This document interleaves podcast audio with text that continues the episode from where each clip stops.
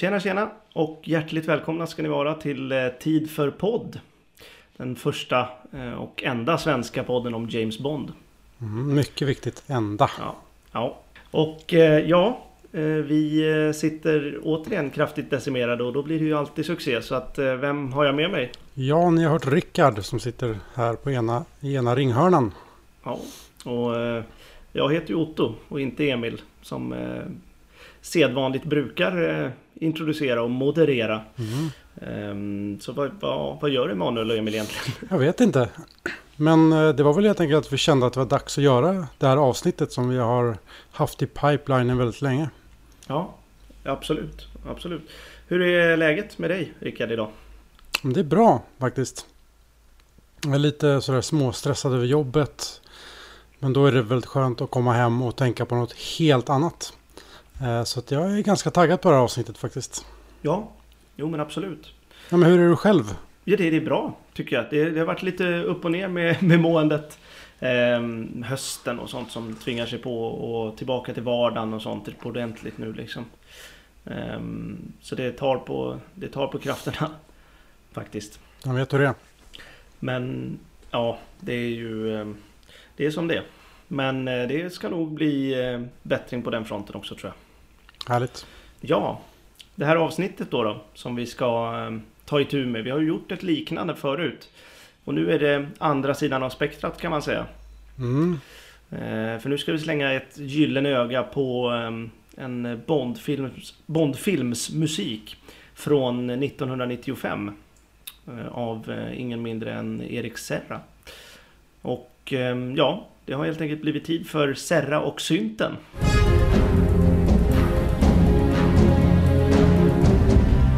Här, eh, nu, nu kommer synten in i bilden på allvar.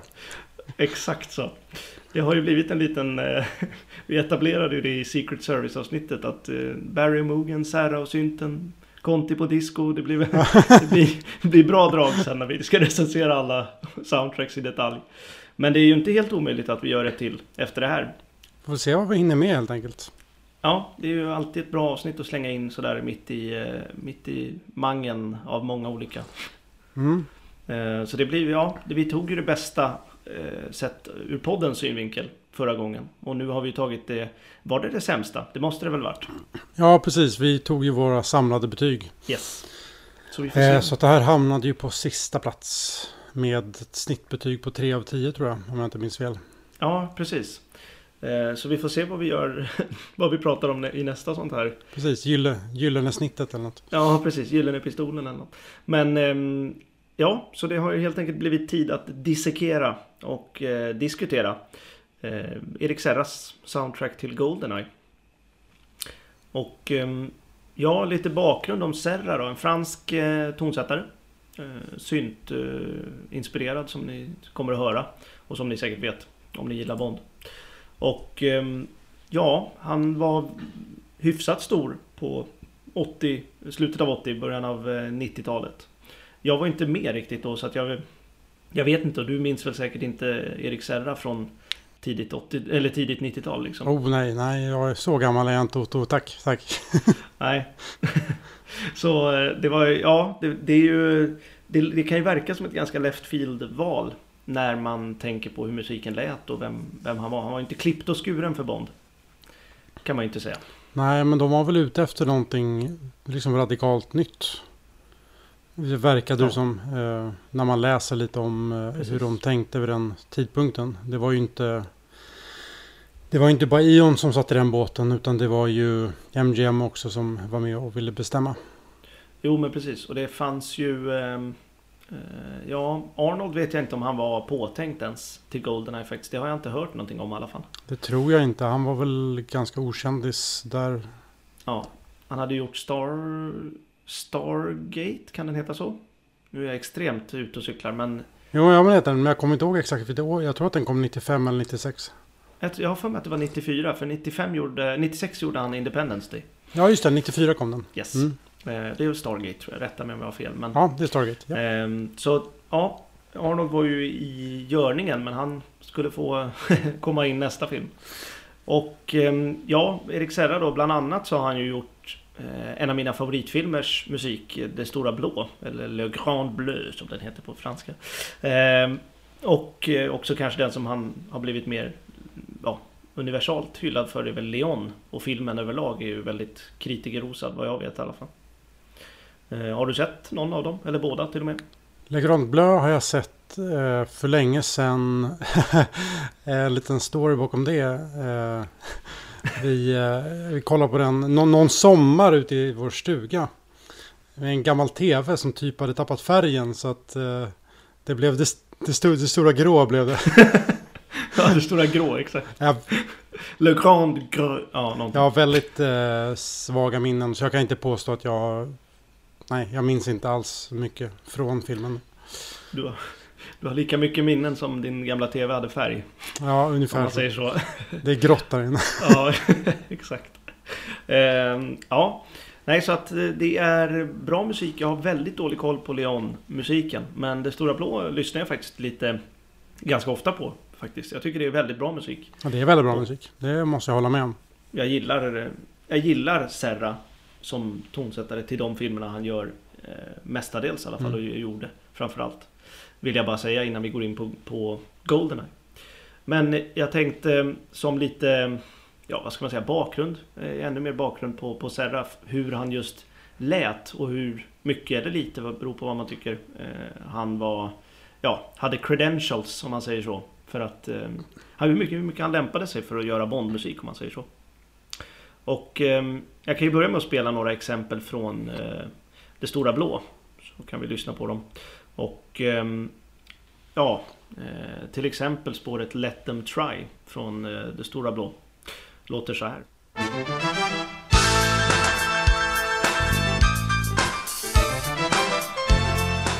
Det är så jävla gött där. Alltså. Ja, det är extremt gött.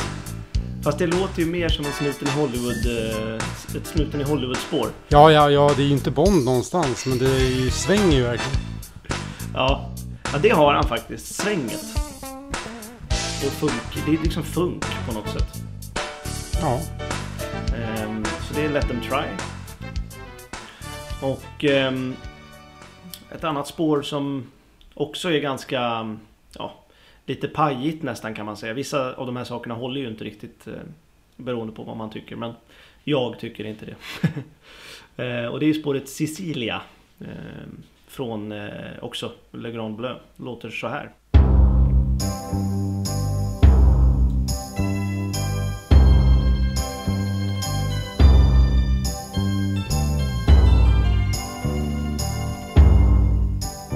ja det ska vara någon sorts kvasi-italiensk folkmusik typ, eller?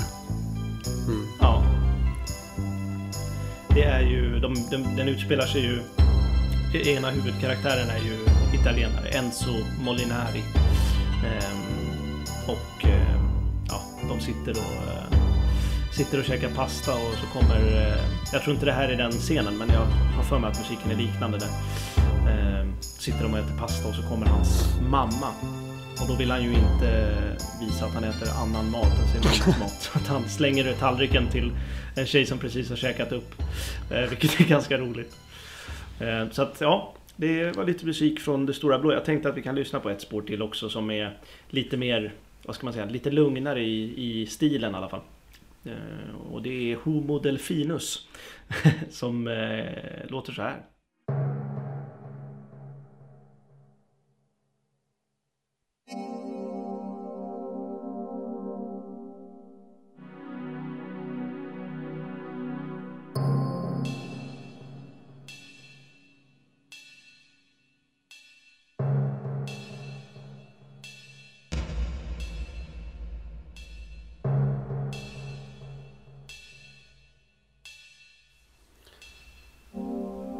Det är väldigt eh, minimalistiskt får man ju säga. Mm. Verkligen. Och det där ljudet är ju distinkt för eh, Mm, klassiskt. Det låter ju väldigt mycket något, nästan valsång lite grann. Mm. Så att det är lite från eh, Le Grand Bleu. Eh, inte så mycket faktiskt i det soundtracket som skvallrar om hur Goldeneye lät. Eh, det håller du säkert med om också. Absolut. Eh, däremot i eh, Leon som eh, eh, Serra gjorde 1994 när Arnold gjorde Stargate. Så ehm, då, ja, då lät det väldigt mycket mera väldigt mycket mera Goldeneye. Tycker jag i alla fall. Och ehm, ja, jag tänkte ett spår som faktiskt stack ut lite med som har lite samma instrumentering och identiska instrument som, som Sarah använder sen i, i Goldeneye är ju spåret Room eh, 4602 eller Rum 4602. Ehm, och det låter så här från Leon.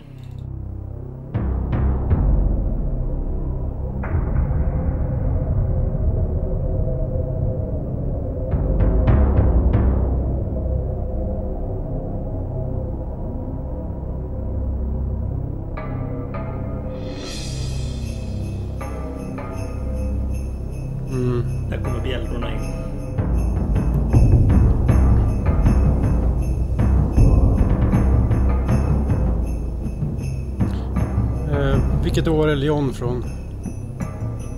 Det är 1994. Ja, precis innan. Ja, det är ju... Ja. Ja, ja det var väl det, 100% Lyon som han fick det på jobbet. Nej, men visst, visst var det så till och med att när Erik Serra sen kom in i bilden och skulle börja skåra så var det Leon som, som de använde som temp track på Goldeneye. Så det är inte konstigt att det låter lika. Nej. Eh, och de sa ju också Gå in och gör din grej för det, vi har anställt dig för att du är du. Mm. Uh, och då gör ju Serra sin grej och det, det, här, det var ju ungefär så här det lät i Goldeneye. Ja, ja precis. Och har de temp-trackat Goldeneye med den här musiken så kan de inte förvänta sig så mycket annat. Nej, precis. precis. Jag tänkte att vi också kan lyssna på eh, spåret Back on the Crime Scene från Leon. Eh, så det låter så här.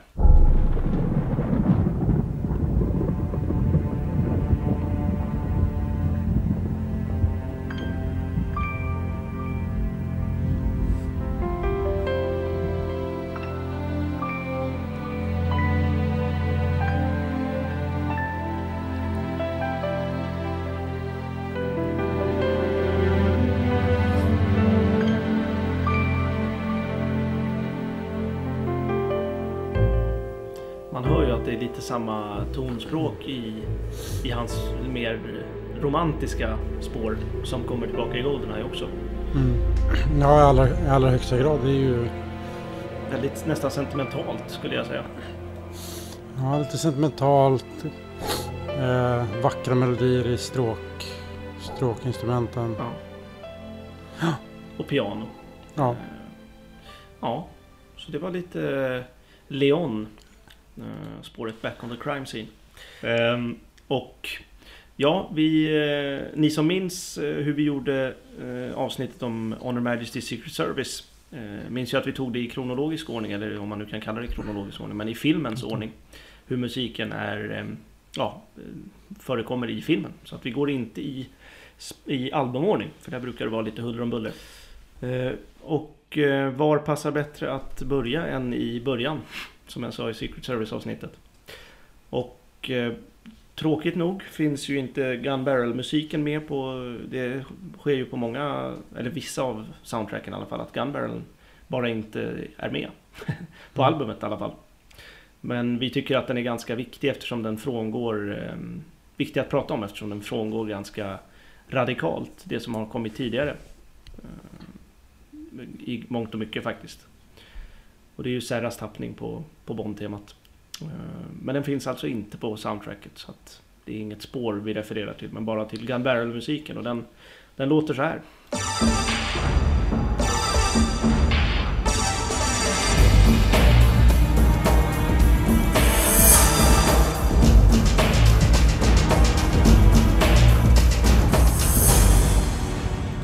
Mm. Vad spontana synpunkter på på det. Men alltså, jag tycker inte att han frångår det originalet så mycket. Alltså instrumentationen är ju helt annorlunda såklart. Men all, allt finns ju där liksom. Ja, den är ju... Den är ja. Ju, ja.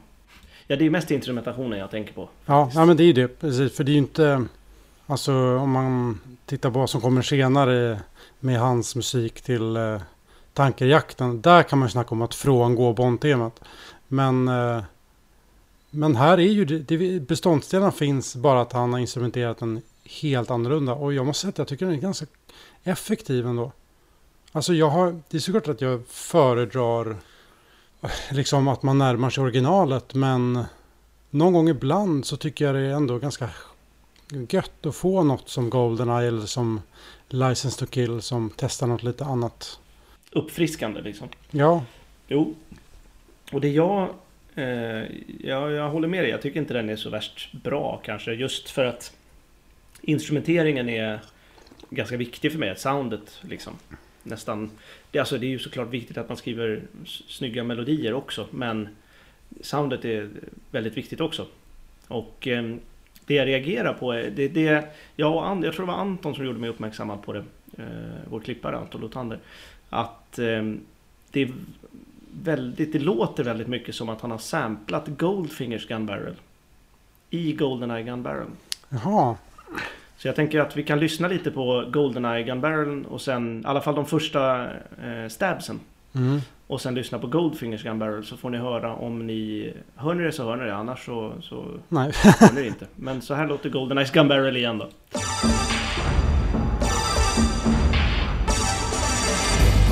De första stabsen.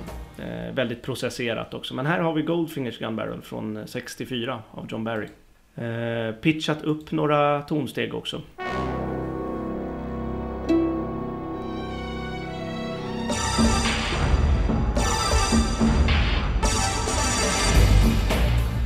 Det är jättesvårt att höra om det verkligen är det men...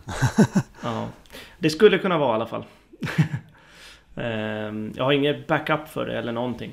Det skulle också kunna vara bara en synt som låter som... Alltså det skulle ju inte förvåna mig om Serra gjorde så i och för sig. Så att... För att det kommer flera Goldfinger-referenser i soundtracket sen. Vill jag bara hävda. Oh. Oj, ja, det, mm. ja faktiskt. Spännande, cliffhanger.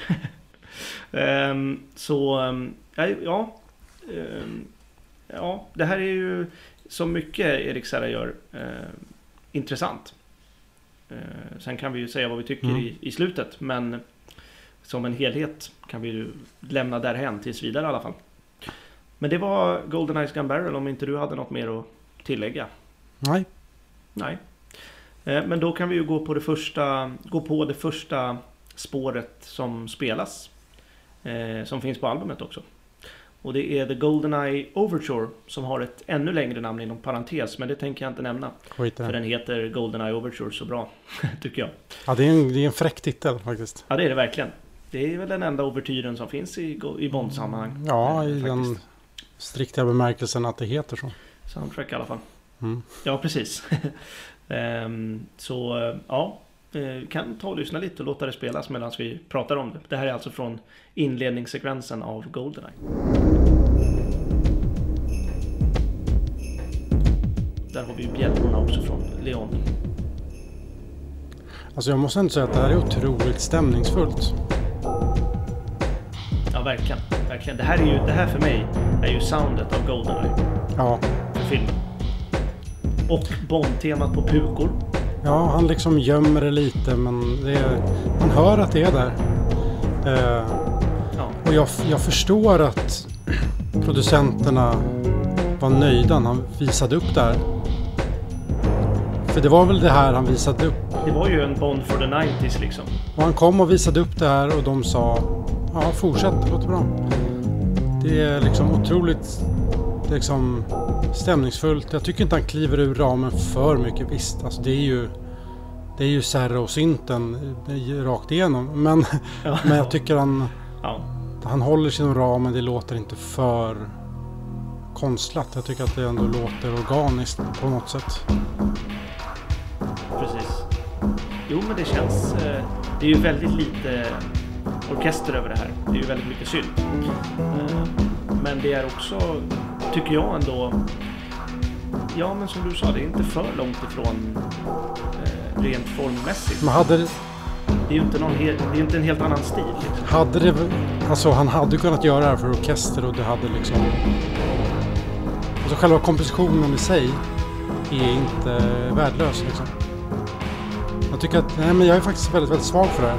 För i Goldfinger så har vi ju i början Eh, Goldfinger, pa, pa, pa, en duroters i eh, Papoe. det som folk refererar till eh, som Goldfinger, liksom riffet nästan. Det är det som folk nynnar på mer än själva låten. Wow, wow, wow, wow. Och här i Goldeneye, Goldeneye Overture, så har Erik Serra en mollters. Men exakt samma tänk ändå.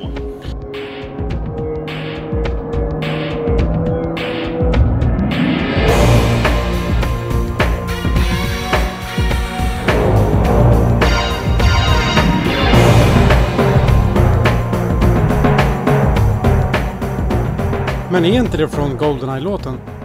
Ehm, vi kommer ju till Goldeneye-låten här, eh, ja, nu. Ja men då, Så då kan vi ju ta reda på om det stämmer. rocka loss. Goldeneye eh, av Tina Turner då. Eh, och Bo- Bono vill jag ju säga. Bono and the Edge som Ja. skrev eh, låten. Och Tina Turner känns ju som ett helgjutet val bara. För hon, det var bara en tidsfråga känns det som innan hon skrev, skulle göra en Bondlåt. Ja, verkligen. Ja, det är kul att de faktiskt fick till det med henne. Uh, nej, men det är en sån person som man, som man typ skulle... ja, man, man, man, en sån person man- som man skulle kunna önska, men som man skulle kunna tänka inte skulle bli av. Lite som Adele, att Adele också faktiskt blev av. Eh, Jo men absolut. Absolut. Ehm, och det är ju... ehm, ja men jag tänker att vi kan, kan hoppa in lite i, eh, i ehm, ja, mitten av låten ungefär eh, och lyssna eh, på hur Goldeneye låter av Tina Turner. See him move through smoke and mirrors. Feel his presence in the crowd. Other girls, they gather around him. Hon har ju verkligen den här Shirley Bassey-kvaliteten. Ja, väldigt få människor har haft som har sjungit om det. verkligen. Chain taken to the spot. Golden eye, I'll show him forever. It'll take forever to see what I've got. You'll never know how I watched you from the shadows as Jag a är ganska säker på att den där eh, som jag tyckte var en Goldfinger-referens inte är med i låten faktiskt. Fan, varför har jag fått för mig det för? Du kanske tänker att den är med i Goldeneye och då således är med i låten också. För den är ju med i Goldeneye Overture och på fler ställen. Ja, kanske är så. Har jag för mig. Eh, Men den här låten är riktigt... Ja, Riktigt jag bra, tycker att den är vass jag. alltså. Riktigt vass. It's a kiss, this time I won't miss. Och här låter det faktiskt lite som att det skulle kunna vara riktiga instrument. För det är ju riktiga instrument inblandade i soundtracket också. Men det är ju liksom mycket synt också. Jo, men här, den här var väl ändå inspelad tillsammans med orkester. Så vitt jag vet. Ja, Så det är ju ja, det är lite samma tänk som David Arnold hade när han skrev musik. Att det ska vara lite techno inblandat också. Så att Mm. det är ju hitta en bra balans bara som är viktigt. Ehm, Men just den där eh, referensen. Wah, wah, wah. Nej, men det kanske är det för. Jag har bara blandat ihop det. Ja. Eh, Så det är en fin Goldfinger. För Goldfinger... Nu förväntar jag mig inte att alla ska kunna musikteori men... Ja, det är... Med mollters är alltså det tredje steget som är sänkt helt enkelt. Mhm. Tredje skalsteget i en skala. Ja. Eh, Så det är, en lite fin eh, variant på det. För det är ju otroligt. Bara man hör... Så tänker man ju direkt Bond. I alla fall jag. ja, absolut. Det sätter sig ju. Och det gör sig väldigt bra i hans lite gungiga, tunga rytm med Mm. mycket slagverk och sånt. Och sen bara... Wow, wow, wow. Eh, något som inte är lika snyggt är ju spåret Ladies First. ja, nu kommer vi dit. Ja. Extremt, eh, extremt eh, udda spår. Här frångår han ju mallen eh, väldigt mycket. Måste jag säga. Det passar ju scenen, det måste jag ge det. Men Gör det verkligen det? Ja, rent synkmässigt passar det i alla fall. Men det kan vem som helst lyckas som kan lite musikteori så att det är inte så Så imponerande är det inte. Men ja, ja tyvärr så tar vi och lyssnar lite på Ladies First också.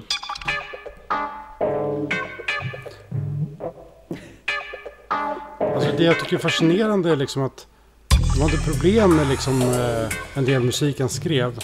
Det är uppenbarligen inte det här, för det här är kvar i filmen. Ja, precis.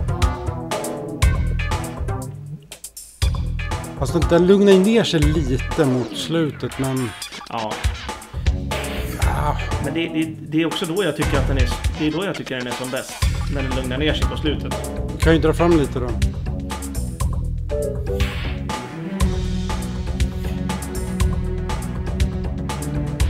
När den här stråkmelodin kommer in i cello eller vad det är. Det låter som cello i alla fall. Ja, det är nog det. Den låter för fyllig för att vara en viola.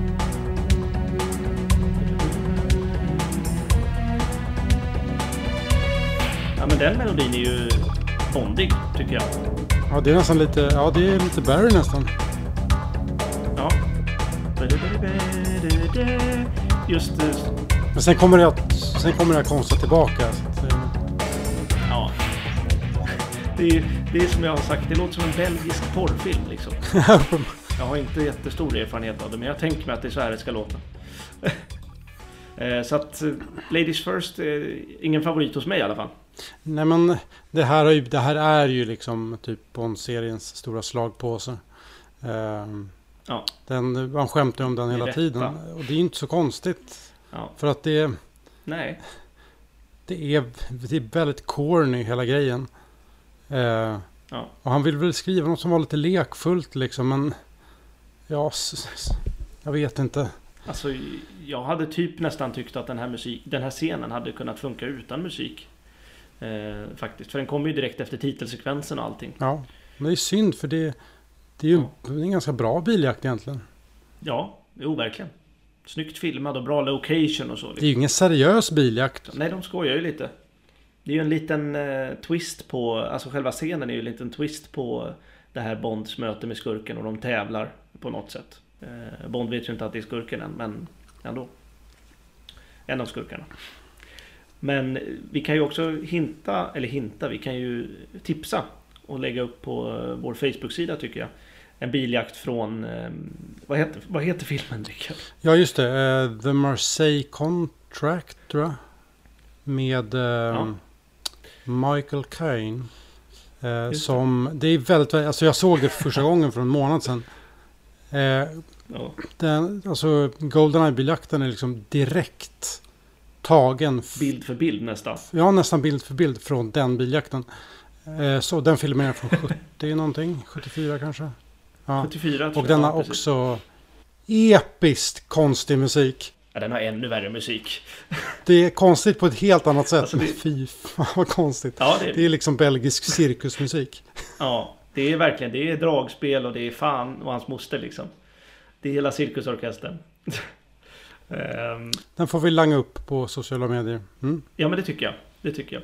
The Marseille Contract. Och ehm, vi traskar raskt vidare till ehm, We Share the Same Passions. Eh, spåret som spelas bland annat när, eh, när de är på kasinot. Ja, ja. Och ehm, ja, det är ju eh, mycket... Ja, det här, här kommer första exemplet på Serras sentimentalitet kan man väl säga. Eh, Så jag spelar lite så får vi höra We share the same passions.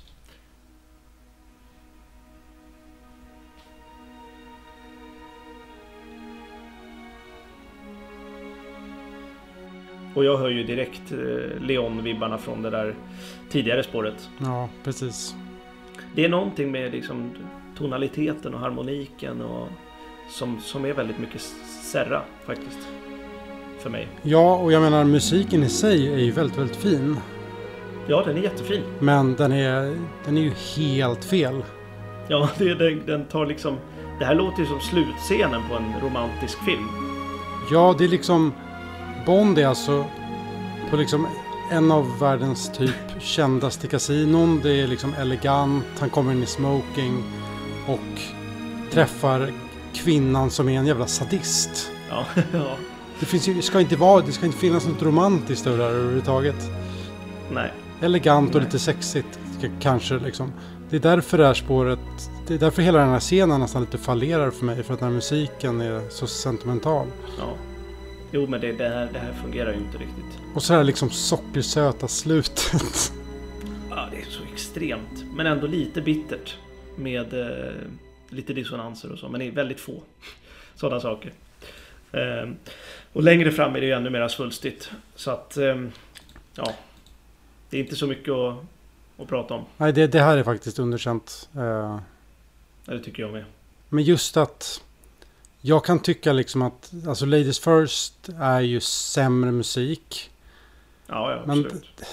Det är ändå, det är ändå helt okej till scenen på något sätt. Alltså han är inte... det Ja, passar ju bättre, det- till, passar ju bättre till scenen. det här är det bra skrivet för. musik men tar... Den, lig- det, är som att, det är som att han har skrivit den till en annan scen och så har de klippt om klipparna. Det kanske är... Mm. Vem vet, kanske är så. Ja, det är möjligt faktiskt. Jag tycker ju att, jag tycker däremot att den sista lilla biten som jag kan spela här, eh, som börjar vid strax efter fyra minuter. Eh, ganska, jag kommer återkomma till det. Eh, att jag tycker Serra faktiskt har anammat lite, om än konstiga, eh, konstiga traits från Barry. Men just att skriva lite mm, jag, tror, jag vet inte om det är helton men det är mera, mera åt det hållet i alla fall. Ehm, det, det, det finns något lite smått dissonerande med, med det som börjar efter fyra minuter som jag tycker Barry skulle kunna ha skrivit i alla fall. Och det låter så här.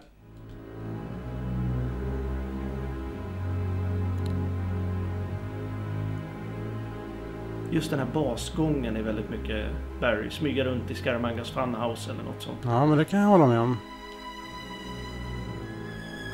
Eller musiken när eh, Moore, Moores Bond är i eh, laboratoriet i Moonraker och ser dem dö till exempel. Ja, och så de här höga fiolerna till på toppen.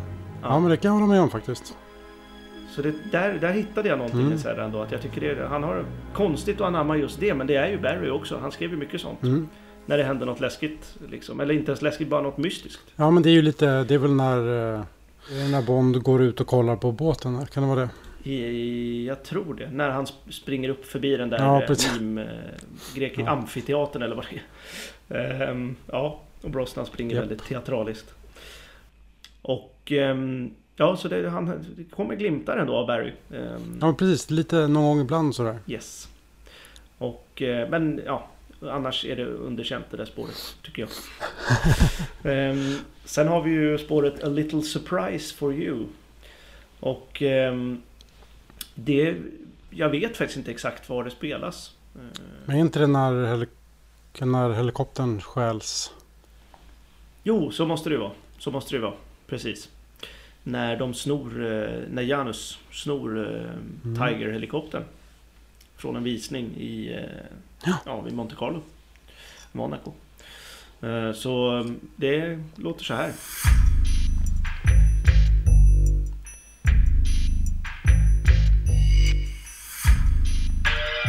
Spåret spelas ju också när eh, Xenia dödar piloterna. Men nu är vi tillbaka i ouvertyrkänslan. Ja. Goldeneye soundet skulle jag säga. Ja, precis det, som, precis det man tänker på när man tänker Goldeneye.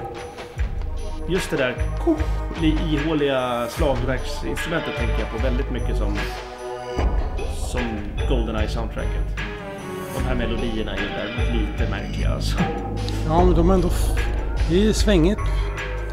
Eh, men... Uh, alltså, ja, men det, men det här soundet är jag mer tillfreds med ändå faktiskt.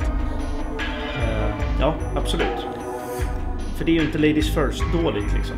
nej, visst det är lite, det är lite märkligt men det, passar ändå in på något sätt.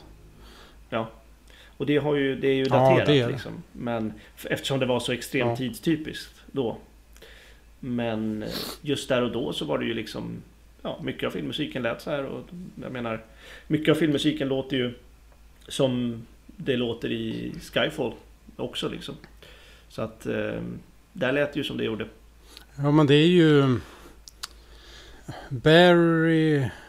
Alltså det låter ju också tidstypiskt på, på ett sätt. Men ofta är ju Barry lite mer tidslös. Ja, lite mer originell liksom. Precis, så fort det kommer in en, eh, en annan eh, kompositör. Alltså George Martin, väldigt tidstypiskt. Bill Conti, extremt tidstypiskt. Mest tidstypiskt av alla nästan. Bill. Michael Kamen, tidstypiskt. Erik Serra, Thomas Newman, tidstypiskt. Eh, David Arnold också. Ja. David Arnold är väl, tycker jag, lite som Barry, lite mer tidslös. Eh, Ja. Men ändå väldigt, ja, jo precis. Men det känns inte som att han följer Det känns inte som att han följer trender på samma sätt. Nej, Ehm, och det gjorde ju inte Barry heller utan han körde ju sin grej och sen så ändrade han sig själv men inte utifrån att filmmusik nej precis. ändrades. Tycker jag. Ehm, och Newman har ju sitt sound också så att det är inte, det är inte så att Newman är någon liksom eh, härmapa på det sättet. Han är ju liksom the master of ambient music liksom. Ja, precis. Men det är ju också väldigt på modet nu att skriva sån typ av... Ja, Mm. minimalism liksom. Eh, Så A Little Surprise for You, det är väl lite mer tillbakagång då till eh, The Goldeneye Overture. Det som vi kallar Goldeneye-soundet nu. Exakt. Ja, det, det tycker jag det vi gör med rätta. Eh, sen kommer ju eh, spåret ehm, The Severnaya Suite. Som ja, spelas när man, eh, eller när man, när vi är i filmen på Mm, på Severnaya. Där vi, exakt, där vi får se Natalia Mm. för första gången. Isabella Scorupco. Och eh, det låter lite så här. Jag spelar lite, lite av varje, tänker jag.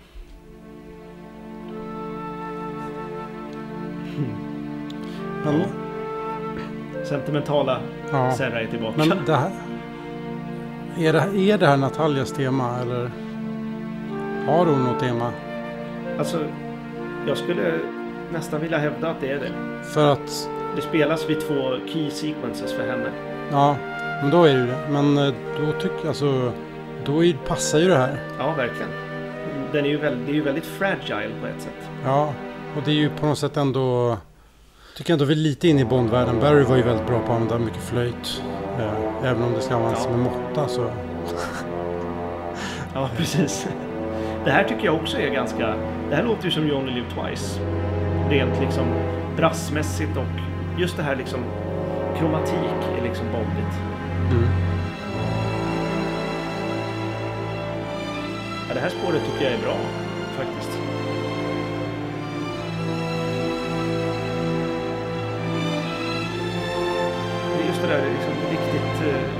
Brassiga brasset som är liksom trombon och det är liksom murrigt på ett sätt. Mm. Eh, och Natalias tema återkommer ju sen också när de är på stranden och hon frågar How can you be so cold? Japp. Den grejen. Because you live in Russia. Nej men eh, ja, li- lite så. Ehm, ja. Och så kommer ju Natalias tema tillbaka i slutet igen. Ännu mer svulstigt. Jag tycker det här, det här temat är, det är alltså harmon, harmoniskt det är det ju Barry liksom. Ja, och det är härligt också att det faktiskt... Eh, att Sarri... Serra... Sarri... Att Serra tillåter att vara helt orkestralt också. Ja, absolut. Det känns ändå passande på något sätt att eh, ge Natalia ett tema som är ganska, ja men helt orkestralt, instrumentalt liksom, inte något teknik. Även om hon är liksom, hon är ju hacker. Men det känns som att han spelar mer på hennes Mm. Oh, liksom, karaktär mer än, där kanske du har någonting. mer än hennes emotionella sida liksom.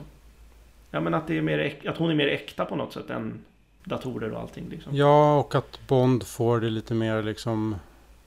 Jag vet inte. Nej, det. Nej, men hon har lite mer kött på benen liksom än liksom det vanliga Seven, Sevenaya soundet liksom med teknik och Goldeneye soundet. Hon, hon är liksom helt orkestral Ja. i, i musiken i alla fall. Ja, det är kanske till för att spegla hennes karaktär på något sätt. Ja, det är ju alltid lite varmare med eh, Ja. riktiga, speciellt stråkar framförallt då, men riktiga instrument än teknik på något Mm. sätt. Det kanske bara är en, eh, är Ja. en teori i alla fall. Eh, Så The Severnaya Suite tycker jag i alla fall är bra och Barry, ja lite små minner, det minner om Barry om man säger så. Och nästa spår eh, är Our Lady of Smolensk. Som eh, också ligger på, på albumen. Så vi, ni som lyssnar också kan eh, lyssna in er lite extra på spåren om ni, om ni tycker vi spelar för lite av dem. Och det här är ju, här har de ju kommit till, till Sankt Petersburg. Där mycket av filmen utspelar sig. Mm. Och ja men vi spelar det och så pratar vi lite.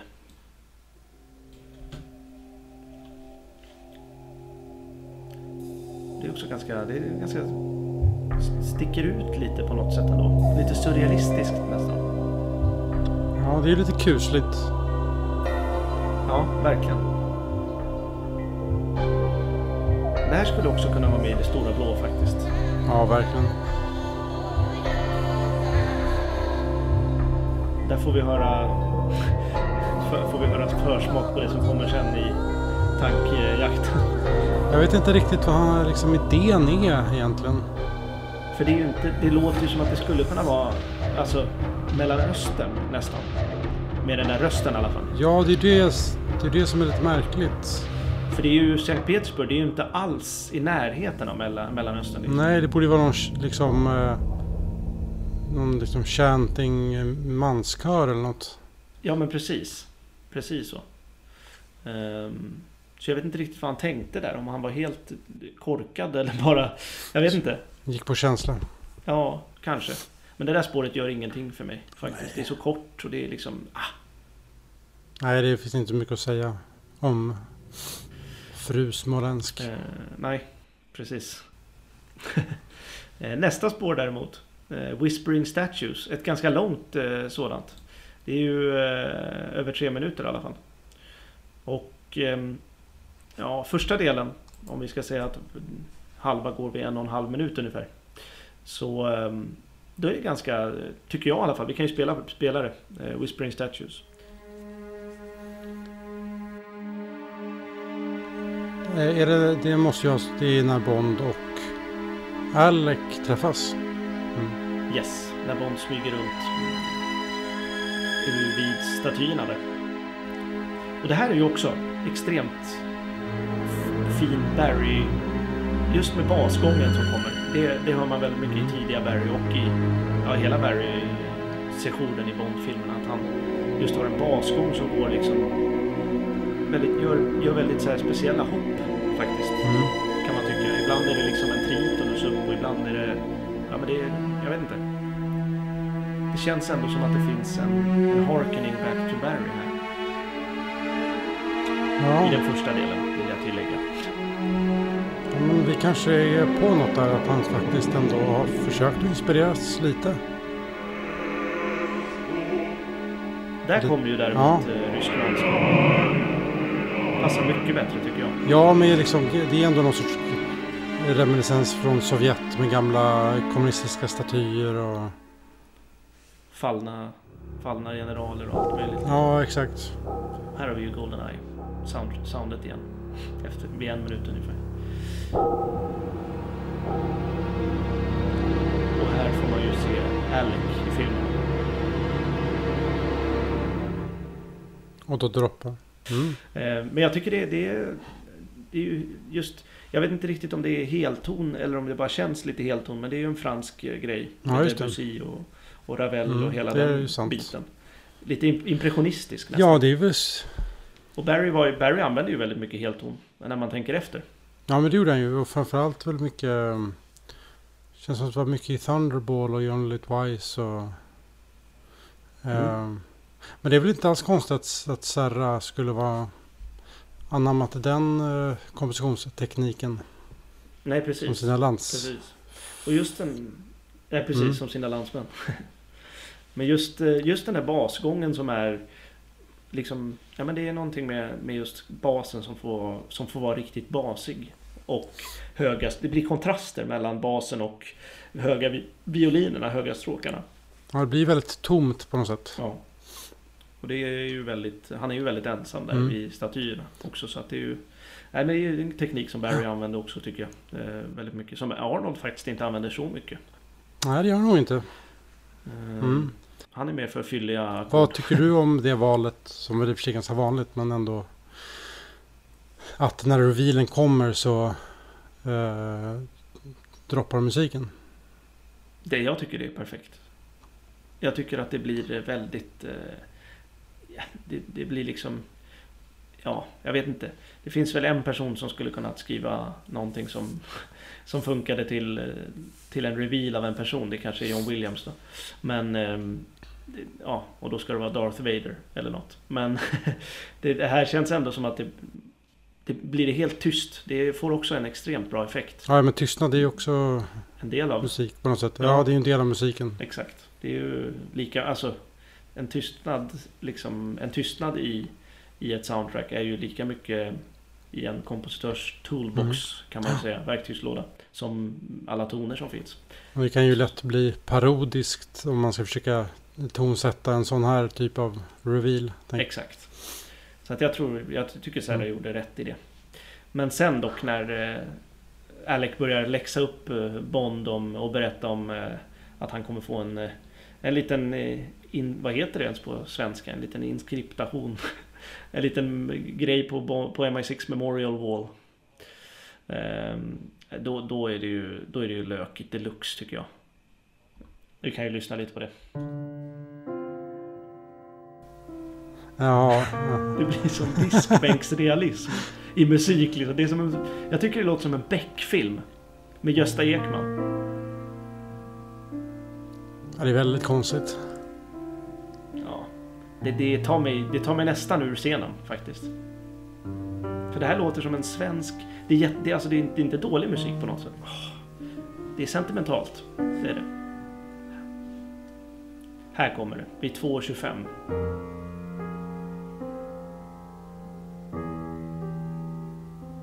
Ja, det här är... Det här är ju det är jättekonstigt. Det är inte, det är inte dålig musik per se. Nej, men det ska bara inte jag. vara här. Men det är bara så här, nej. Det här är ju... Det, här, det, låter, det låter svenskt på något sätt nästan. Som en svensk film. Och inte då en actionfilm kanske. Men det låter också lite så här... Visst, ja, Bond är ju såklart... Eh, borde vara chockad på något sätt. Men, men det, det, det, så, det låter så konstigt sorgligt på något sätt. Ja, det låter sentimentalt på något sätt ändå. Och det, jag menar, vi, hade ju, vi som publik hade ju fattat om musiken slutar när Alec kommer fram och sen är det ingen mer musik förutom när han blir, kanske blir skjuten då, av eh, pil, för, Mm. bedövningspilen. Vi hade ju fattat att Bond är i chock. Vi är ju själva i chock Ja. som tittare liksom. Och den revealen minns jag när jag tittade på Goldeneye med några från skolan i eh, höstas måste det ha varit. Förra hösten alltså. Eh, så blev alla bara Vad fan? Alla som inte hade sett Goldeneye. De blev fortfarande chockerade över det. Mm. För det, det tänker man ju i en Bondfilm. Där dör ju folk till höger och vänster tänker folk. Och då var det ju ganska chockartat att han kommer tillbaka. Så att den revealen håller fortfarande. För jag har inga minnen av den revealen så för mig är ju den liksom... Spoiled på något Ja, sätt. precis. Och nästa spår eh, efter Whispering Statues är ja, ett av mina favoritspår från, från soundtracket faktiskt. Eh, Run, Shoot and Jump. Och ehm, ja, det låter så här.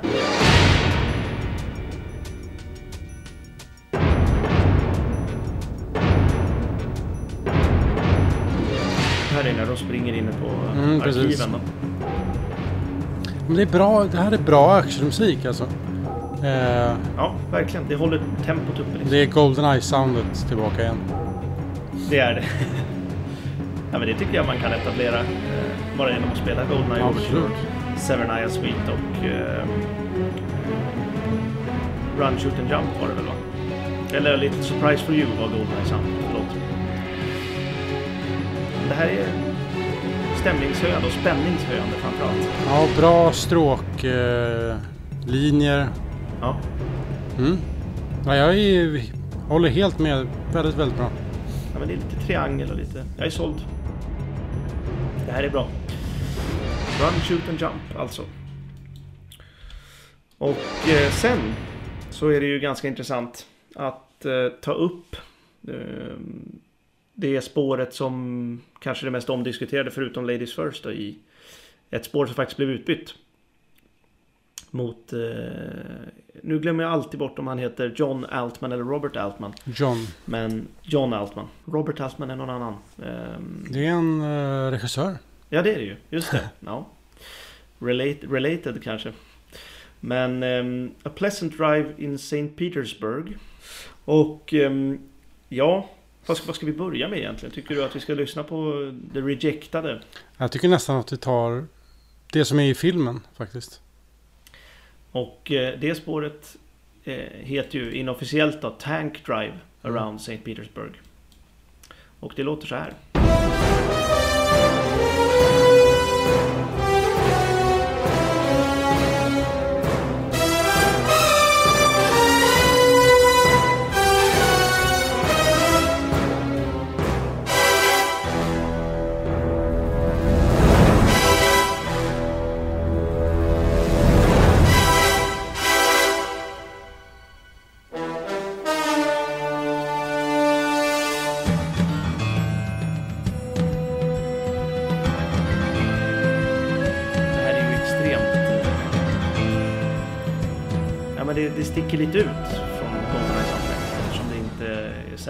Skrivit det.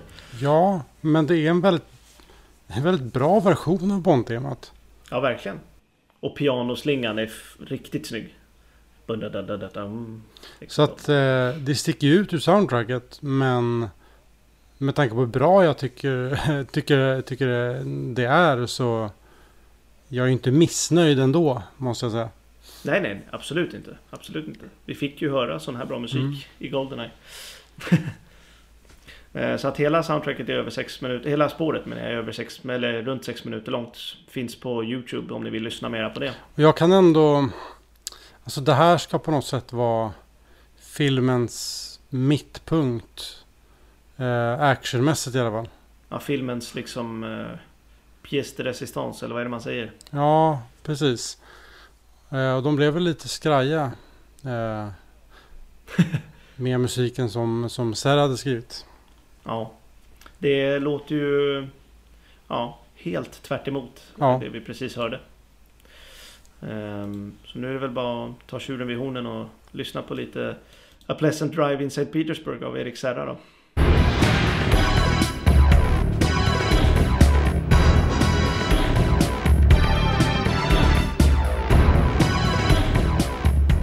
Där tycker jag också man hör Goldfinger. Ja,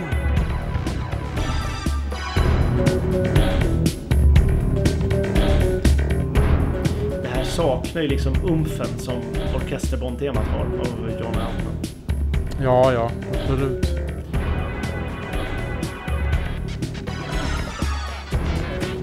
Det är ju mera... Alltså det är så mycket effekter som man har slängt in till höger och vänster. Ja. Det blir liksom, det tar udden av det på något sätt. Ja, Bondtemat ligger nästan i bakgrunden som någon kompstämma liksom. Det sticker ju inte ut på samma sätt som eh, John Altmans Störtmiljö.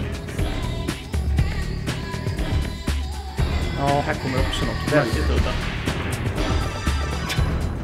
Ja men det, det är ju det liksom. Det är de där rösterna som sjunger och det är liksom lite så här, eh, vad heter det? Scratching. Det är, alltså det, är, det är extremt spretigt.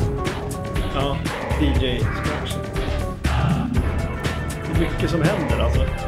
Och så här fortsätter det ju. Det, händer ju, det, det har ju ingen egentlig mittpunkt, eller höjdpunkt skulle jag säga. Så att det får ni fortsätta lyssna på om ni vill på egen risk. Ehm, men jag förstår varför de droppade det. Ja, jag tycker inte att det är kast men det är bara... Det är lite för mycket på en gång. Ja, dels det och att jag tycker inte det gör scenen rättvisa. För scenen ska ju vara som du säger den liksom kronjuvelen i filmen. Och då är det ju inte den här musiken man kanske vill ha där. Nej, det är synd när så här, stycket innan Run, Shoot and Jump är så pass effektivt. Eh, han hade kunnat Ja. fortsätta på den typen av musik. Skrivit ett eh, nio minuters stycke till hela liksom, sekvensen. Ja, med tåget och allting liksom. Ja, med den stilen liksom. hade ju varit asbra. Ehm, ja, men det, det tycker jag. Det känns som att han nästan går ner i intensitet. När det blir tanke, tankejakten liksom. Mm, det blir lite fel. Ja. Han kunde, ha, han kunde liksom ha haft den här typen av intensitet inne på arkivet och sen ha run, shoot and jump intensiteten möjligtvis i, eh, Mm. vad heter det? Ja. Pansarvagnsjakten. Så att, ehm, nej, det är ingen favorit hos mig. det som de droppade. Och nästa spår, det är ju Fatal Weakness. Som spelas på eh, tåget, i tågsekvensen när ehm, Bond och möter Alec igen. Och ehm, ja, vi kan väl lyssna lite på det. Och så får vi säga vad vi tycker.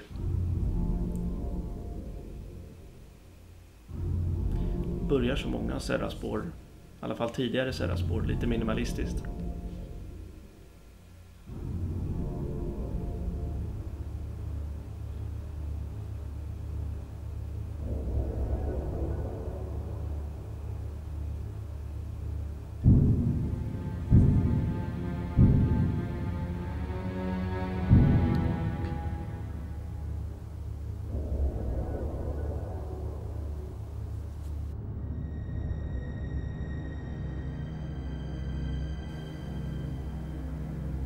Det är ju väldigt, det här är ju mystiskt bara.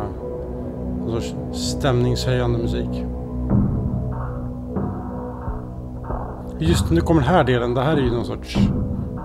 Det här är ju liksom kallt, maskinellt på något sätt.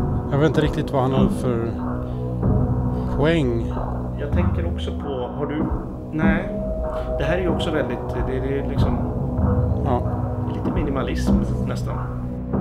Det, utveckl, det finns ju ingen liksom harmonisk och melodisk utveckling i det här. Det låter ju likadant om fyra minuter igen. Eh, eller om två eller vad, det- vad det nu är. Men jag tycker det påminner om, om du har spelat det spelet eller någon av våra lyssnare har gjort det, så påminner det ganska mycket om Command and Conquer-spelen. Strategispel. har inte spelat. strategispel där man ska bygga eh, militära arméer och, kriga mot ja, antingen mot kompisar eller mot, ja, fast jag tror att det var single player men ja, man ska försvara sig och attackera folk med pansarvagnar och grejer och det lät ungefär så här. Command and Conquer från 90-talet. Men det är ju lite så här maskinellt. Eh, jag, jag, jag, får- ja, men jag får någon bild så här av kalla kriget och ryska armén. Eller ja, nu höll ju inte armén på så mycket under just kalla kriget. Men, Nej, men du förstår det här liksom lite maskin, maskinlika, Ja, ja, kalla kommunistiska Ryssland.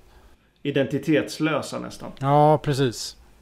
Och det här, och det här gamla liksom, eh, vad det nu är, atomtåget som, som de är på som, Ja, det, är, det är kallt bara. Faktiskt. Ehm, och det är ju... Ja, det är inte så... Det, det, det är som du säger, det är stämningshöjande, det är spänningshöjande men det är inte så mycket mer egentligen. Ja det, det är märkligt att det liksom påminner inte om någonting annat på soundtracket. Det är väldigt eget och kommer just där av någon anledning. Det, det, det, det ja ibland så känns inte Serra helt genomtänkt. Nej, nej, nej, nej men absolut. Och han gör ju inte... Han gör ju inte så... eh, Han gör ju inte så mycket det här. Alltså, Nej. Det är ju det, tyvärr. Eh, Så eh, vi kan väl traska raskt vidare till eh, spåret That's what keeps you alone. Nu får vi Natalia Flöjt. Där får vi Natalias flöjt. Och det är ju scenen som jag pratade om tidigare här.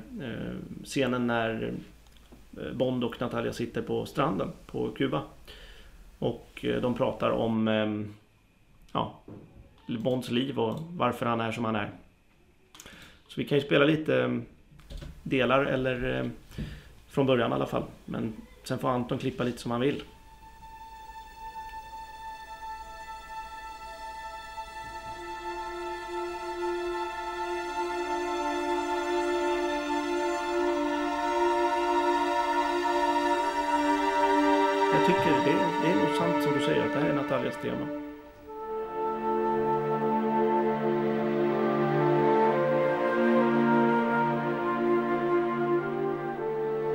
Det som är liksom problemet för mig är att den här scenen är så dramatisk och lite sentimental i grunden. Så Nej. det behöver inte förstärkas med sån här typ av musik. Det blir lite för mycket. Mm.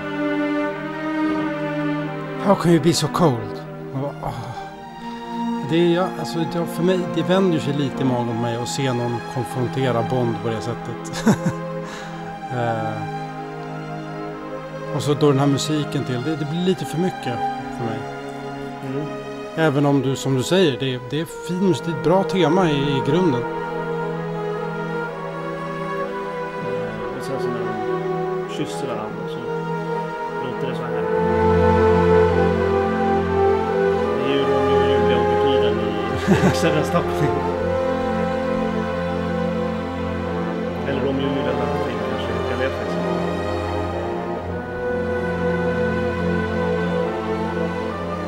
snyggt, tycker jag. Men det är också... Det låter ju som att det skulle kunna vara David Arnolds kärleksmusik från Valfri Brosnan-film. Ja, absolut. Det är ju välkomponerat. Det är snyggt. Absolut. Sen blir det nästan lite för sockersött tycker jag.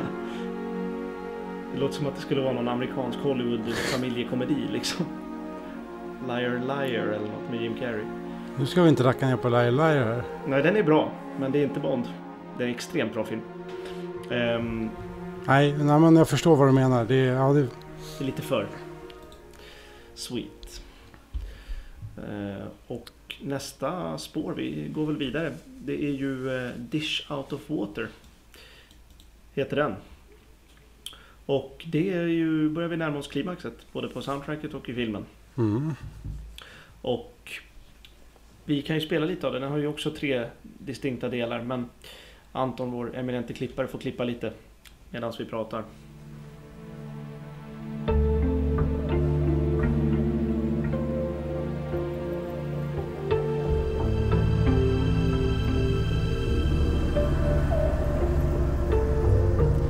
Här är ju en variant på Natalias tema för övrigt.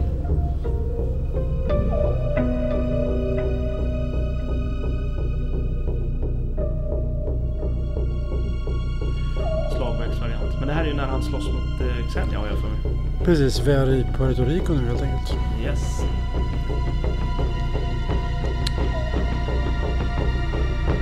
Det här är väl inte så mycket att säga så mycket om egentligen. Det,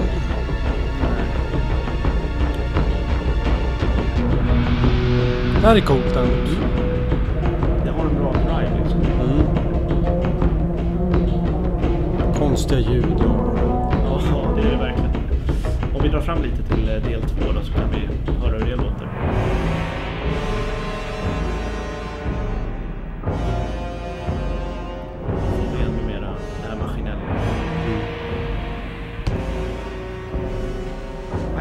Barry faktiskt. Ja men faktiskt det är ju... Det, det är väl när eh, satelliten visar sig va? Ja, när den kommer out of water. Ja men det är lite också lite härligt eh, brassigt, övert, övertydligt. Mm.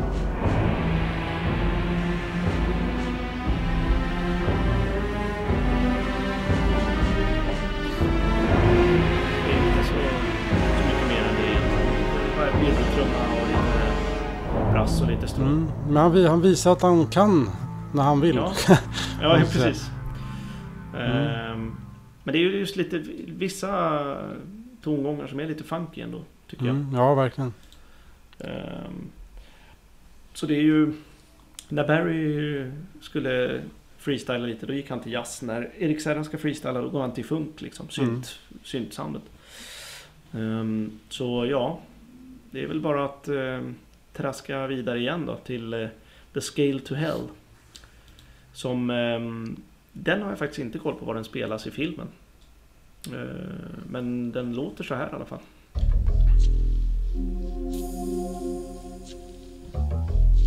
Är det inte när de har kommit in i själva basen när man säger? Det skulle det kunna vara. Rent logiskt borde det vara det, men jag tycker jag borde känna igen den. Det kan ju också vara så att man klippt i musiken och inte använder första delen. Ja exakt. Och eh, enligt Erik Serra så hade de ju dragit ner hans musik ganska mycket. Så att vissa delar kanske inte hörs heller. Det minns jag att eh, Anton har pratat om med Tomorrow Rise att det var ju en period när man nedprioriterade musiken till förmån för ljudeffekterna. Så att jag antar att Erik Serra åkte med i den vågen också. Eller tyvärr, jag ska inte säga för Erik Serra, men tyvärr för Arnold i alla fall i Tomorrow Never Dies. Så att man knappt hör musiken i inledningssekvensen.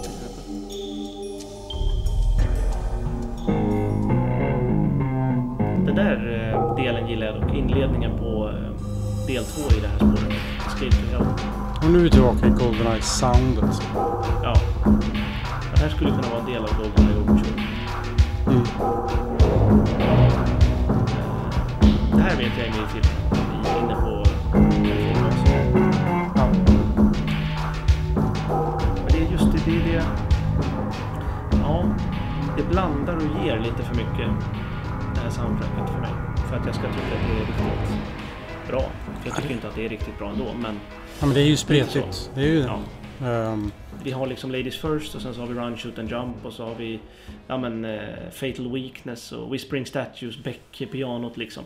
ja, men det är ju ganska tydligt att Man liksom grepp, greppar lite efter halmstrå när det liksom kommer. Ah, där, där är 10 sekunder Barry. Fan vad härligt. Ja, Och sen, och sen är det tillbaka i någon träsk, träsklik syntvärld. Ja. Eh, inget emot Det- synt, men Nej. just träsklik syntvärld är jag emot. ja, precis. Synt ska användas med måtta. Ja, det tror jag Eh, faktiskt. Men eh, det är lite synt att Serra inte tycker så. Ja, Men eh, spåret som kommer härnäst då. Eh, Forever James heter det. Och eh, det spelas ju i slutet av filmen. när de ligger i gräset. Ja, exakt så är det när de ligger i träsket. Precis. Och eh, det, ja, det låter så här. Det är mera sentimental Serra. Och Natalias tema då. Det här är nästan mitt favoritstatement av det. Det är så. Ja, jag tycker nästan det. det Ja, men det, precis, det är, om det är någonstans man ska ha det här soundet Ja. så är det på slutet när allt har löst sig. ja. Och Det här passar ju perfekt. Det är ju slutet på Only Live Twice. Det är slutet på Ja. Diamond Day. Det är liksom... precis, Bond har kvinnan i sina armar. Ja, bokstavligt talat faktiskt. Ja, precis. Så kommer Jack Wade. Förstör allt. Tema, det är fragile och det är, det är, min, det är liksom sårbart på något sätt. Mm. Det, jag ty- tycker det passar henne väldigt bra. Hon är också en av mina favorit eh, karaktärer i Bond-serien faktiskt. Ja, just det. Här är det ju däremot lite, det blir lite...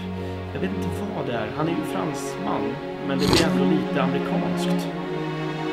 På något sätt. Ja, men det är lite övertydligt smörigt ibland bara. Svulstigt liksom. Mm. Men det är ju fint. Det är ju fin musik liksom. Ja, absolut. Det är väl bara att man inte alltid är van vid det soundet i Bond heller. Nej, precis. Så är det ju. Så är det ju verkligen. Men eh, det är ju bra musik. Jag skulle gärna ha skrivit det själv.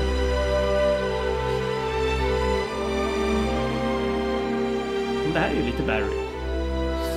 Just med horn emot melodierna är, Ja. Känner jag väldigt mycket Barry.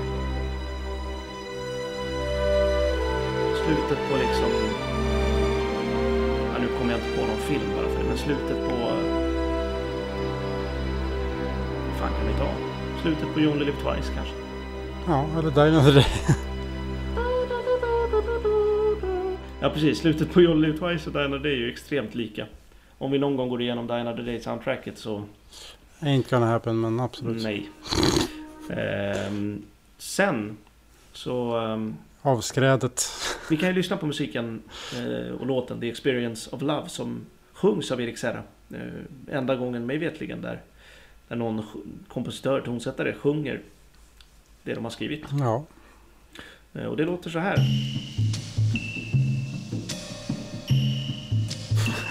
Nej, det, det.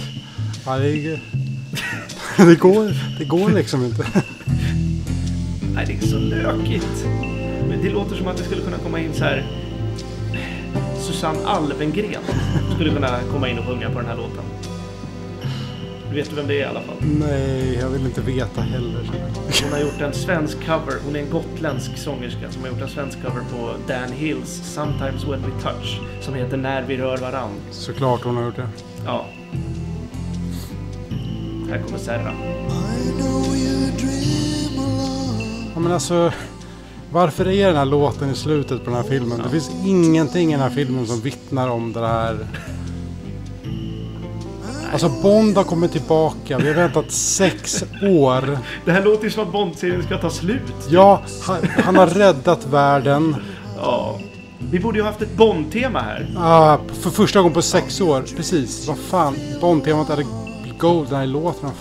Vad som helst. Vad som helst hade varit bättre. Ladies first hade varit bättre. Ja, faktiskt. Nej men alltså. Eller Goldeneye Overture eller vad som helst bara för att runda av. Det är så konstigt. Ja. Har vi Hade? Arnold, hade Arnold gjort den här låten, äh, den här låten hade han inte gjort. Hade han gjort det här soundtracket hade han definitivt slängt in ett Bond-tema i slutet. Ja, ja, men liksom... Ja, men det är ju som att vi precis har sett en liksom, sorglig dramafilm. Ja, en Vilken fransk det- dramafilm liksom. Nej, det här är, det är ofattbart. Nej, ja, vi tar bort det va? Ja, det här tar bort det. Så. Ehm, och det var, det var det hela. Ja, Eh, För jag vet att vi några kanske sitter och tänker, men spela Juvenile av Ja, AC/DC det. tänkte jag säga. Ace of Base. Ace of Base tänkte jag säga. Men den har vi ju också spelat i Goldeneye-avsnittet. Men vi kan väl för er skull då bara spela den här. Eh, Det var ju så att för er som inte har lyssnat, fy skäms. Men eh, för er som kommer in och börjar lyssna vid det här avsnittet. Och eh, det kom ju en låt, eller Ace of Base skrev en låt. Som eh, hette The Golden Eye först. Som de sen bytte till Juvenile, bytte titel på. Som var påtänkt som Bond-låt till den här filmen. Den var väl ganska... Långt kommen också. Ja, jag tror det va? Ja, det tror jag. Eftersom Mm. den hade ju, ja men lite just, ja, klangen som, som man ändå kan tänka att en skulle passa i en Bondlåt. Det är väl Mm. det närmaste vi har kommit en svensk eh, Bondlåt i alla fall. Ja, det tror jag väl. Eh, och den låter så här.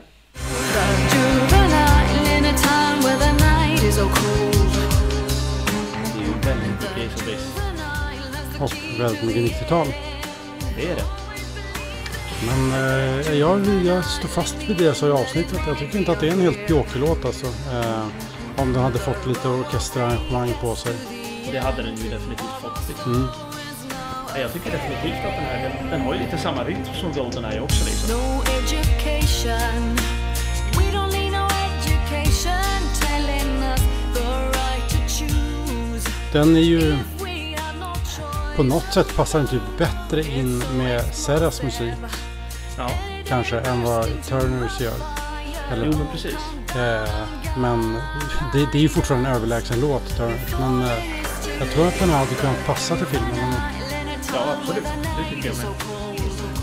ver, ja, versen är ju extremt 90-tals ishlig men ah, Not half bad som de säger på andra sidan vattnet.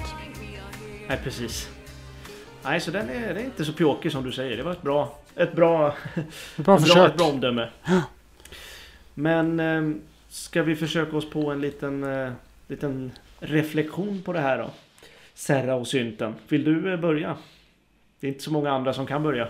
Ja, det kan jag väl göra. Det, Nej, men det, det här är det, är... det är ju ett svårt soundtrack där att få något grepp om.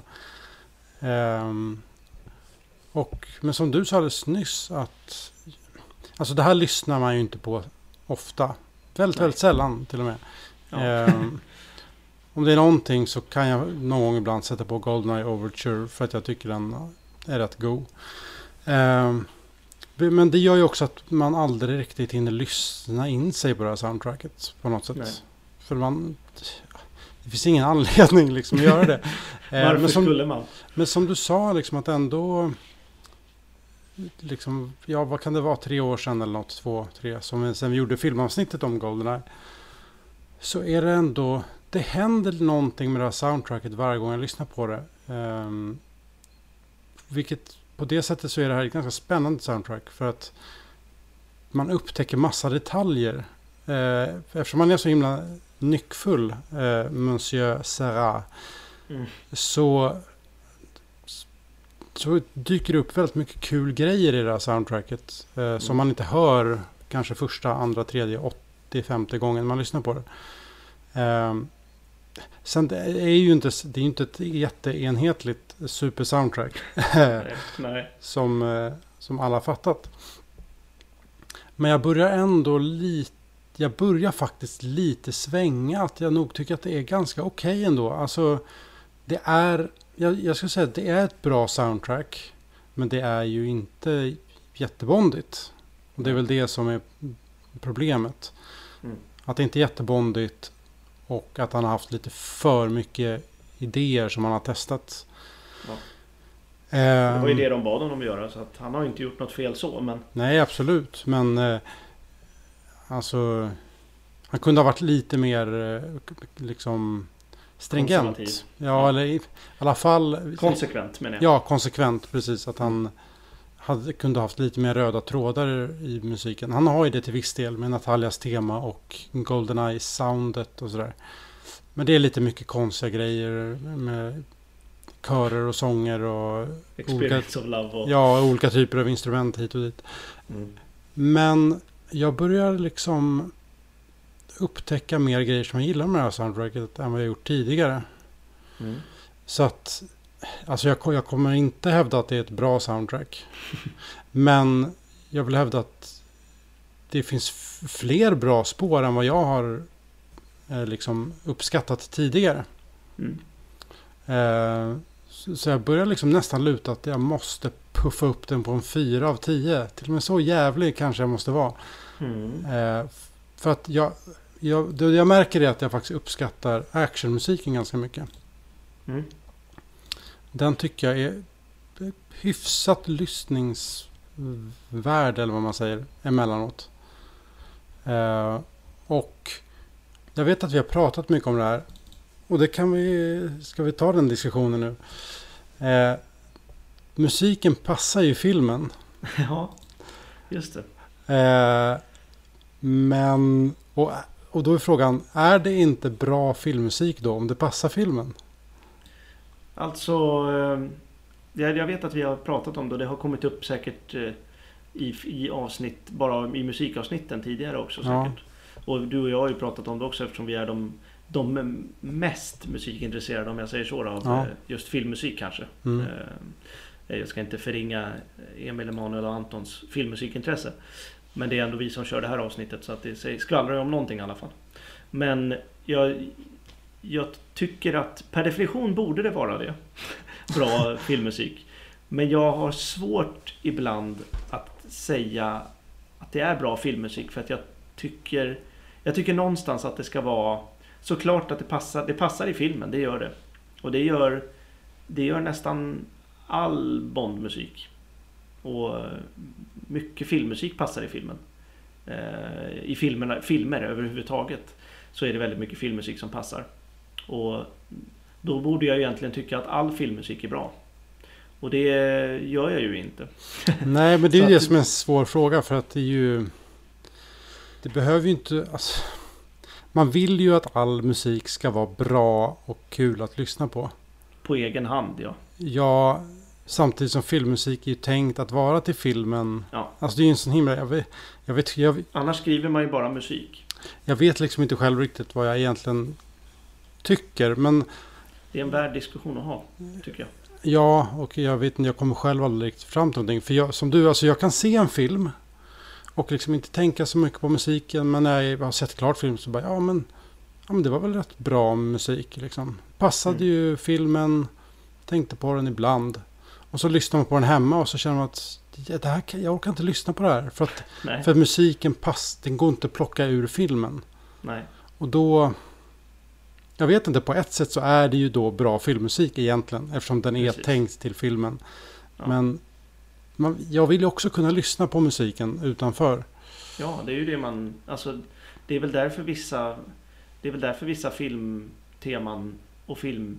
Alltså ja, teman framförallt eftersom teman är motiv som man känner igen och det är till för att kännas igen. Mm. Det är väl därför vissa av dem sätter sig liksom. För att, jag menar, bara för att det går att lyssna på utanför så är det ju inte sämre musik. Eh, utan liksom, typ Hajen-temat eh, är dåligt exempel på något man kan lyssna utanför. Det känner alla igen i alla fall. Ja, Och ehm, ja, men Star Wars-temat till exempel. Det är ju inte sämre musik än till exempel Goldeneye som man kanske inte lyssnar på lika mycket. Utan det är ju, det är ju exakt lika passande för Star Wars som Goldeneye är för Goldeneye. mm. Så det är ju det är en svår balansgång det där liksom. Men det visar ju också, Star Wars just visar ju på, och mycket av John Williams musik visar ju på att man kan skriva extremt bra musik som också passar extremt bra med filmerna de är till. ja det är sant. Bara för att Goldeneyes musik passar filmen betyder ju inte att någon annan hade kunnat skriva bättre musik som också hade passat till filmen. Nej, precis. Eh, Det hade ju Ja. någon definitivt kunnat göra. Barry kanske, Mm. till exempel. Ehm, Så jag, är, jag, är, jag, är, jag, kan, jag kan tycka att det är bra filmmusik eftersom det passar filmen och filmmusik ska passa filmen. eh, Kort och gott. Det är ju, det är ju, det är ju, en, det är ju en del av filmen, ska det vara. Mm. Ehm, Och det är ju inte nödvändigtvis så att man måste eh, lyssna på, kunna lyssna på musiken efteråt. Det är ju ingen tonsättare som skriver till, till film som tänker först och främst på hur ska det här låta på Nej. ett album sen. Ehm, så det, det, ja, men nej. På- Både ja och nej på frågan. Nej, jag vet. Nej, men det är en svår fråga för jag vet själv inte riktigt vad jag tycker. Men eh, i och för sig, all musik i, i Goldeneye passar ju inte filmen. Kan vi, har vi ju slagit fast det i och för vi sig. Ja. Eh, men ja, summa summarum så börjar jag ändå luta att jag tycker att det här är rätt okej. Okay. ungefär hälften av musiken tycker jag verkligen passar filmen och som jag tycker är rätt, rätt bra att lyssna på hemma också. Och hälften är väl passar inte och går inte att lyssna på. Eh, så att jag landar väl i att det ändå kanske är ett ganska okej Bond-soundtrack i slutändan. Alltså det är ju fortfarande ett av de absolut sämsta men alltså det kanske inte egentligen är så jävla mycket sämre än Thomas Newmans försök. Om jag nu, jag kanske är kontroversiell nu men eh, jag, jag, jag, kan, jag kanske börjar luta åt det hållet, jag vet inte. Ja. Nej, det är inget konstigt alls. Jag, för att summera från min ringhörna då. Att eh, jag är precis som du. Jag har också haft väldigt svårt att lyssna på det här soundtracket. Det är inget man sätter sig ner att- och liksom avnjuter en god drink till på en fredagkväll. Ehm, utan det är ju då kanske man sträcker sig efter ja men Casino Royales bästa spår eller eh, Secret Service eller You Only Live Twice som har seglat upp extremt mycket på senare tid för mig som ett av de bästa soundtracken i hela serien faktiskt. You Only Live Twice som har extremt Mm. mycket bra komplex mm, snygg harmonik och ja, Barry var verkligen i hög form. Men eh, Goldeneye-soundtracket har en del intressanta spår. Och eh, ibland inte ens spår, men delar av spår. Som jag pratade om med den här Barry-basen och kromatiken och lite liksom impressionistiska soundet nästan. Och det tycker jag är bondigt. Bra Bondmusik. För Barry använder det och Serra använder det, om än i annan instrumentation ibland. Eh, Och då är det ju bondigt tycker jag. Liksom. Även om instrumentationen gör att jag kanske föredrar Barrys och Arnolds eh, tagningar på det, liksom, tolkningar av det. Men jag, jag, jag gav ju det här 3 av 10 i, eh, i eh, filmavsnittet har jag för mig när vi pratade Mm. om Goldeneye. Ja, precis. Och jag... Eh, jag kanske också drar upp det till en 4 men det skulle ju innebära att Spectre här, härifrån är det sämsta soundtracket Mm. eh, för mig. Och det... Spectre är ju sämre på ett helt annat sätt. Ja, det är ju det. För Spectre, Spectre är ju liksom... Spectre är ju inte så originellt som det här är. För det här är ju ganska originellt i Bond-sammanhangen då. Mm. Och eh, Spectre är ju mer dåligt bara för att det inte kommer med någonting nytt alls. Det är bara så här, det är samma sak från Skyfall, lite urvattnat. Sånt som blev bortklippt från Skyfall. Känns det som. Ja, för mig också dras ju spektrummusiken ner av att jag inte är så förtjust i filmen. Och därav också kanske Goldeneyes musik, att jag puffar upp den lite för jag är väldigt förtjust i den filmen. Ja. Eh, och det är ju svårt. De, filmen och musiken hör ju ihop såklart. Så det kan vara svårt att bortse från det ibland. Men ja, det är svårt. Det är ju... Ja, det, det, jag vet inte, jag tror att du håller med. Att det är ju Goldeneye, Spectre och kanske Dr. No som, som är där nere och skvalpar runt i någon... Men ja, vi får väl se vad som händer med tiden. Men uppenbart så är väl i alla fall Goldeneye ett soundtrack som man kan hitta lite grejer på om man, om man vågar ge det lite tid. Jo, Och det var ju vi tvungna att göra inför det här avsnittet. Det är väl därför kanske. ja. Jo men absolut. Jag tror att det är så mycket med musik som jag har insett nu när jag börjat plugga här på skolan. Nu har jag gått ett år. Men att man liksom blir exponerad för musik som man aldrig skulle lyssna på. Eh, Jag får lite nya infallsvinklar. Så. Sen man kan ju inte gilla allt och det är uppenbart att det här soundtracket fortfarande inte är lyckat. Liksom. Eh, men jag känner ändå lite berikad på något sätt. Att få liksom ändå hittat någonting nytt med det här. Och just som du säger också eh, att Erik faktiskt är en väldigt kompetent kompositör. Det, eh, han, är, han är väldigt, väldigt duktig. Det blev inte riktigt rätt den här gången. Tyvärr då för, för Bond-seriens vägnar. Men eh, ja. Nej, men det är ju precis samma grej som med, eh, med Thomas Newman. Som jag älskar. Jag avgudar ju Thomas Newman. Han är ju mästaren på, på det soundet han gör. Det finns liksom ingen som... Han är väldigt lätt att känna igen. Han är nästan lika lätt som John Williams är att känna igen på sitt sätt.